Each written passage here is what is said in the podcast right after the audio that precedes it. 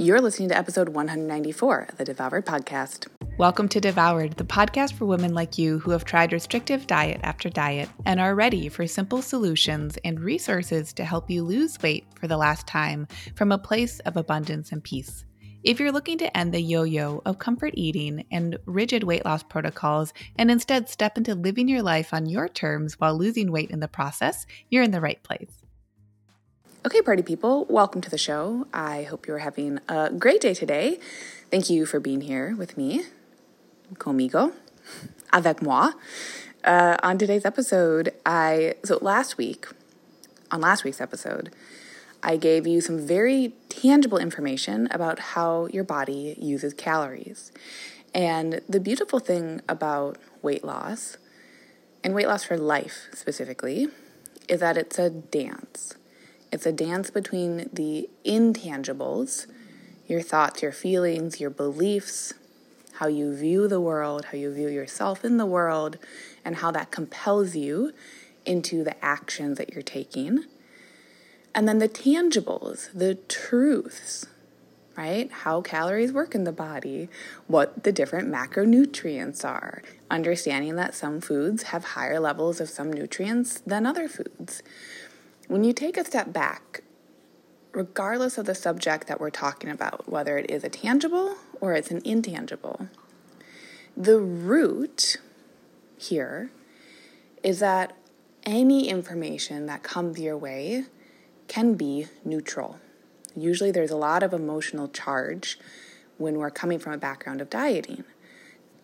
Talking about calories is emotionally charged. Talking about like using the word portion, portion control, such emotional charge around that. Talking about protein or carbs or fat or meat or going vegan or what your mom did growing up or what your dad does now or any other emotional aspect around the people that you love and what you learned and the stories around you, your food, and your body. Okay? So, regardless of whether we're talking about an intangible or a tangible, the idea here that we start to understand if there is a large emotional charge around a subject, we simply sit with that. We're not here to fix it. We're not here to say, oh, that's so bad that portion control is stressful for you. Let's fix it and make it not stressful. We also aren't here to say never talk about another portion again or think about the scale, right? All of the emotions that come up when you step on the scale or if you don't step on the scale, the do's and don'ts behind. The radical liberation isn't to say you've got to be able to step on the scale every day and have it be no have it be no big deal, and it also isn't to say you never have to step on the scale ever again. Any choice that you want to make that aligns with your values is yours to make that is the end all be all of this show. It's the end all be all of the work in Lean and Liberated. And so anytime we have more of the tangibles around nutrition, right? Like a tangible is okay. At some point, you're going to have to feed yourself. so let's have you learn how to feed yourself in a loving, kind, caring way.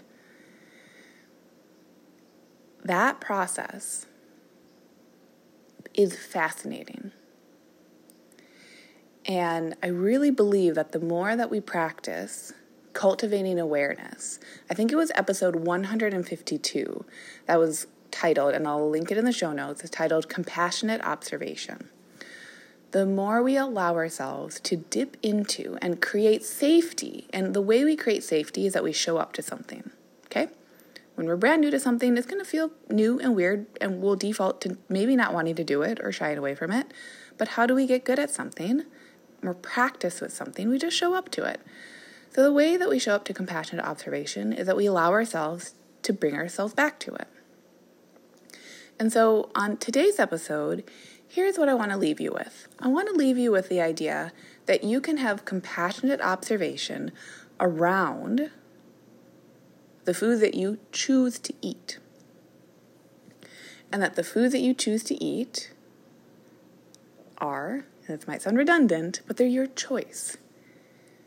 And I want you to notice what comes up when I say it is your choice. Because guess what? Anything can be emotionally charged. So for some of us, really feeling the weight and the reality of OMG, what I choose to eat is my choice, regardless of whether I'm dining out or eating in, regardless of whether that is grains or dairy or none of it or drive through or what have you, vegetables, anything. This is my choice. What is the feeling that that brings up for you right now? And how would you, once you see what that feeling is, is there a difference between the feeling it brings up for you right now and what you would like for it to bring up for you in the future? And if there is a difference, here's the thing your work is not to manipulate your food to be so perfect that it somehow magically becomes that feeling in the future.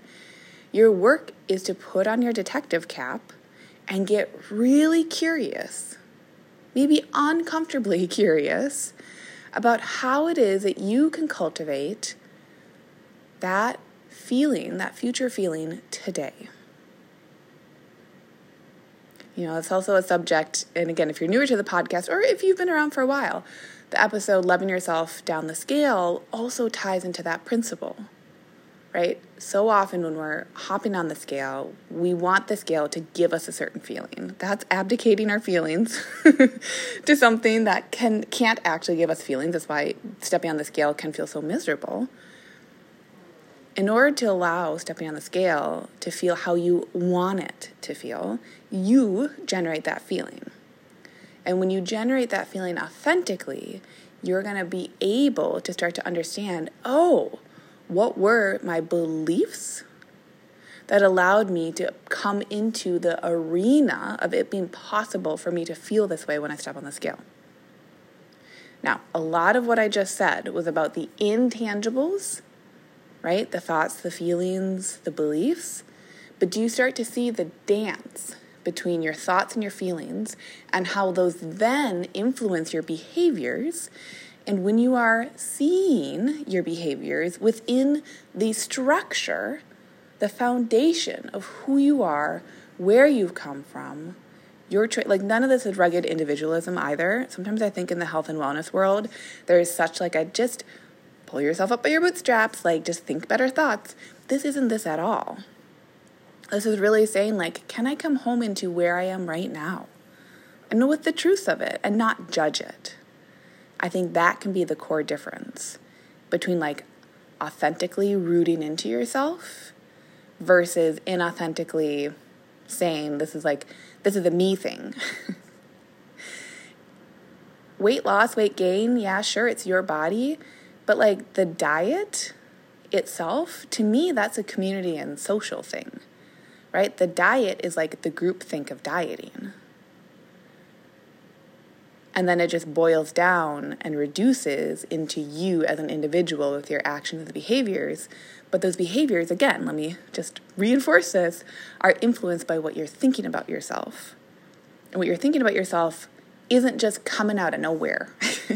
it's either rooted in maybe things that have happened before or generally in messaging that you learn and pick up through the world at large because our world right now is very much a culture of dieting. That's why I think like you know I, I even though really a program doesn't need a name, the program that I work with clients in Lean and Liberated, it's why I chose that word liberated. I don't care what weight you want to be at. You can choose to have behaviors that move you in any direction, and you can choose for those to be wholesome and loving because when they're rooted in your values, they're going to support you. What I really care about, and you know, I want you to do what you want to do. It ties into the liberation. But the liberation is really the radical nature of this all. You choosing your happiness, you not abdicating your responsibility to generate happiness. Ooh, yeah, that's a power move.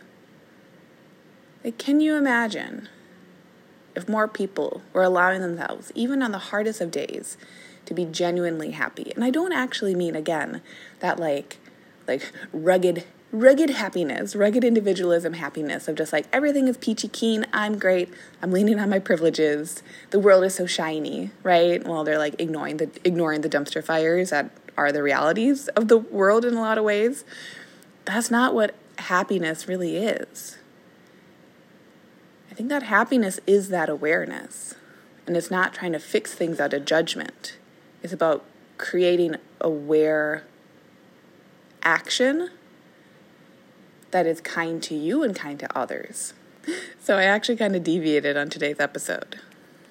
I was totally going to talk about calories some more, right? Last week I was talking about the how your body uses calories and then this week I was like, okay, I think what could be helpful for people to have an episode to come back to and to hear this week and moving forward is that in general, people can tend to underestimate the calories that they take in.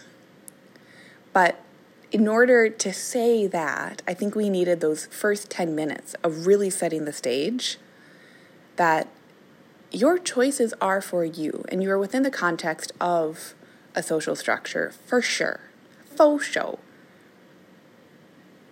But part of that compassionate observation, that loving awareness, is also understanding the truth that it is common to underestimate how much we are eating. And that, I want that to land, the intention of that is to land in a neutral way. Because it is not good nor bad to underestimate total calories. Even on packaging, right, of more processed foods caloric amounts, food science, yes, they're going to go burn up a Twinkie to tell you how many calories are in that Twinkie and where the calories are coming from. But it's still an estimation for the actual Twinkie that is in your hand versus the one that they used in the science lab. You catch my drift? So, this episode, well, the previous 10 minutes, and anything else I say from here on out, is for anyone who is feeling like, oh, I know I can just like write out the foods I eat and become more aware of them and become more intentional of them. But, dot, dot, dot, there's that sneaky but, but I still have these food rules. And really, if I were tracking my foods, then I would feel so much more in control, or then I would have so much more awareness. Tracking your foods is neutral. But here's the thing what do you want to be practicing that you want to continue to practice for the rest of your life? Tracking might be a part of that, but it also might not. And if it isn't, what are the ways that you want to practice showing up to your meals, showing up to your snacks, your desserts, your beverages, all of it? And if you know that in general, we tend to underestimate the foods and their energy levels, because all a calorie is, is a measurement of energy, if we tend to underestimate how much energy different foods give us, how can you take that information and empower yourself with it this week? I really want you to think on that. And this is the work, right? Like, it would be so fun for some people if they were to come in to work with me and it's like, oh, yeah, it's not a diet, but here's your meal plan, right? Here's the foods that you eat. Do it this way, do it that way. No. We have a general rubric for how to build some satisfying meals. It's not a requirement. In general, I want you to choose when you are eating and when you aren't eating. Also, not a rule and requirement. I want you to decide ahead of time with intention and clarity and out of the moment of emotions, which is usually mealtime. It's high emotions, right? It's emotionally charged.